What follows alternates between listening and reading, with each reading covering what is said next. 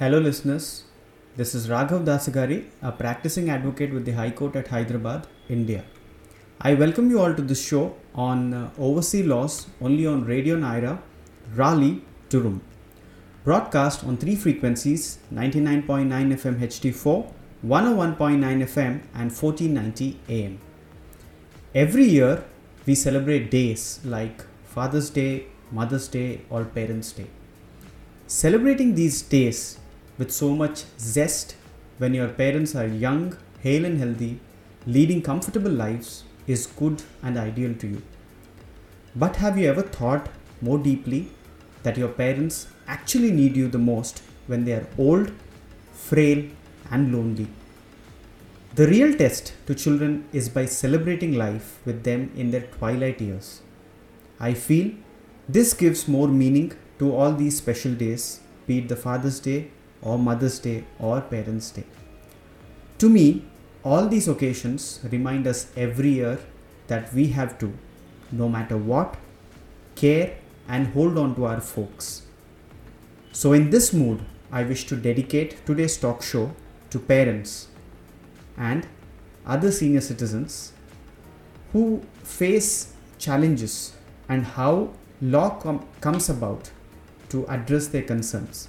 I will focus on some critical legal rights that parents and senior citizens enjoy in India. Today's talk show will also throw light in answering some questions on how to deal in various situations, especially when you're settled in the US and have age old parents living in India. How can you be of the best possible help to your parents who are facing problems with managing things all by themselves? You may have some common questions like how to manage the property or assets of an elderly parent impaired by illness, or how to arrange funds for healthcare in emergencies, and what do you do in critical healthcare situations where one has to decide whether to put a parent on a ventilator or to proceed with a surgery.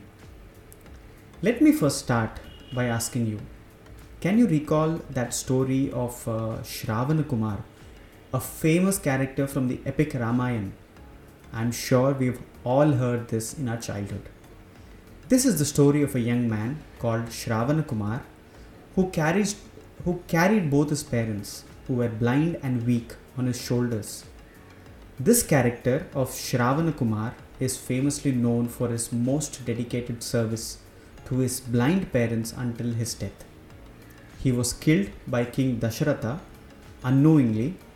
This story in Ramayana is narrated by Dasharatha himself to his wife Kausalya just before his death.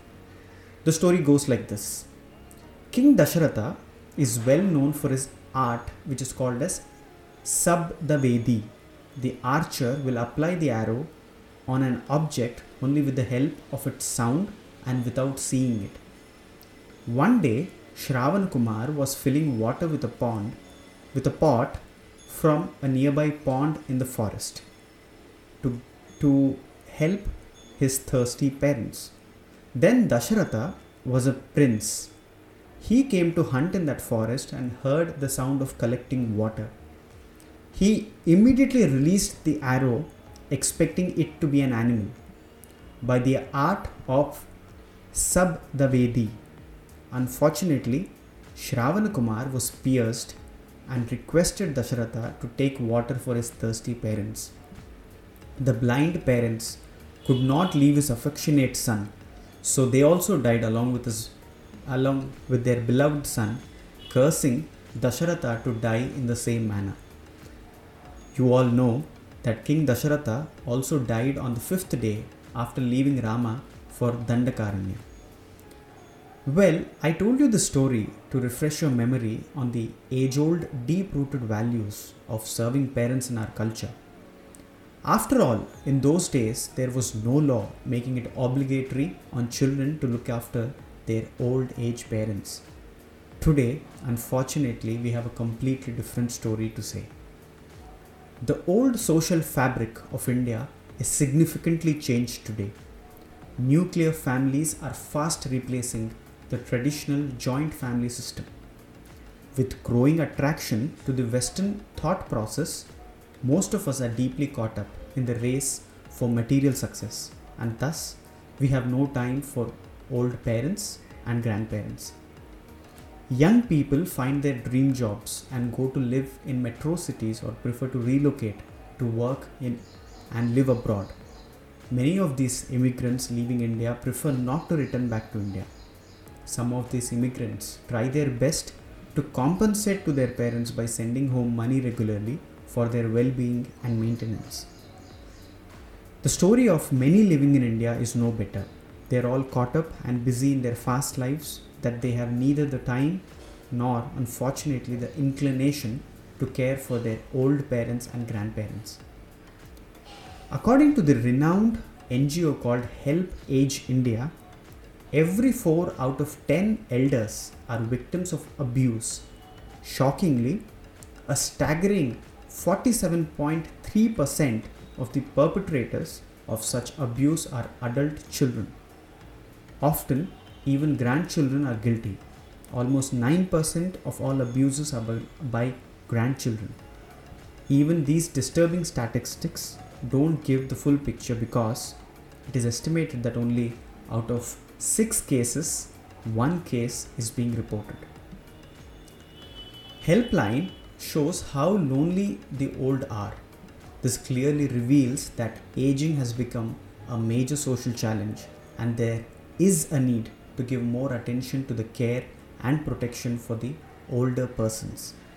Though the parents can claim maintenance under the Constitution of India, Code of Criminal Procedure, the Hindu Adoption and Maintenance Act, the Domestic Violence Act of 2005, and other laws, but the procedure is both time consuming as well as expensive. Hence, sensing the need to have a simpler and inexpensive and a speedy provision to claim maintenance for parents, the Parliament of India introduced the law which is called as the Maintenance and Welfare of Parents and Senior Citizens Act of 2007. This law will serve as a boon to old parents who often suffer in the silence of the insults by their near ones and dear ones. This law casts an obligation on the pa- on the persons who inherit the property of their aged relatives to maintain such aged relatives and also make provisions for setting up old age homes for providing maintenance to the indigent old persons. Now, let me tell you some salient features of this act. The act provides an appropriate mechanism to be set up to provide need based maintenance to the parents and senior citizens. The act also provides setting up of old age homes in every district institutionalization of a suitable mechanism for protection of life and property of older persons, and providing better medical facilities to senior citizens. This law is an attempt to solve some of the problems of the senior citizens who are dumped by their children and not given any monetary, physical, or mental support. Even an uh, elderly who is not 60 but is unemployed or sick can use this law to compel children to provide support. The Act lays the responsibility of taking care of elderly parents and grandparents on earning sons, daughters, grandsons, granddaughters.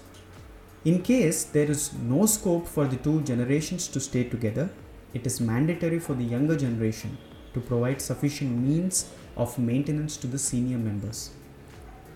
The maintenance tribunals are set up at the division level for speedy disposal of disputes including that is involving senior citizens. Under the act, a tribunal is to be set up in each district of the country to help senior citizens including parents who are unable to maintain themselves. They can get maintenance from one or more children.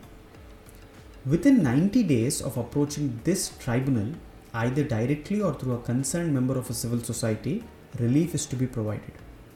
The maximum maintenance allowance, which may be ordered by the tribunal and as prescribed by the state government, shall not exceed rupees 10,000 a month. Abandoning senior citizens could lead to imprisonment for 3 months or fine up to rupees 5000 or both. Old age homes are also to be set up in every district, each housing at least 150 members. Parliament is actively considering some changes to be brought to this law. They are keen to remove the ceiling of rupees 10,000 towards maintenance and also want to include more persons within the definition of children under this law. We are taking a break and we'll be back after these messages. After the break, I will give you answers to various important questions under the maintenance and welfare law and also give you some practical suggestions on how to deal with difficult situations when you are away from your age old parents who are alone in India. So please stay tuned with us.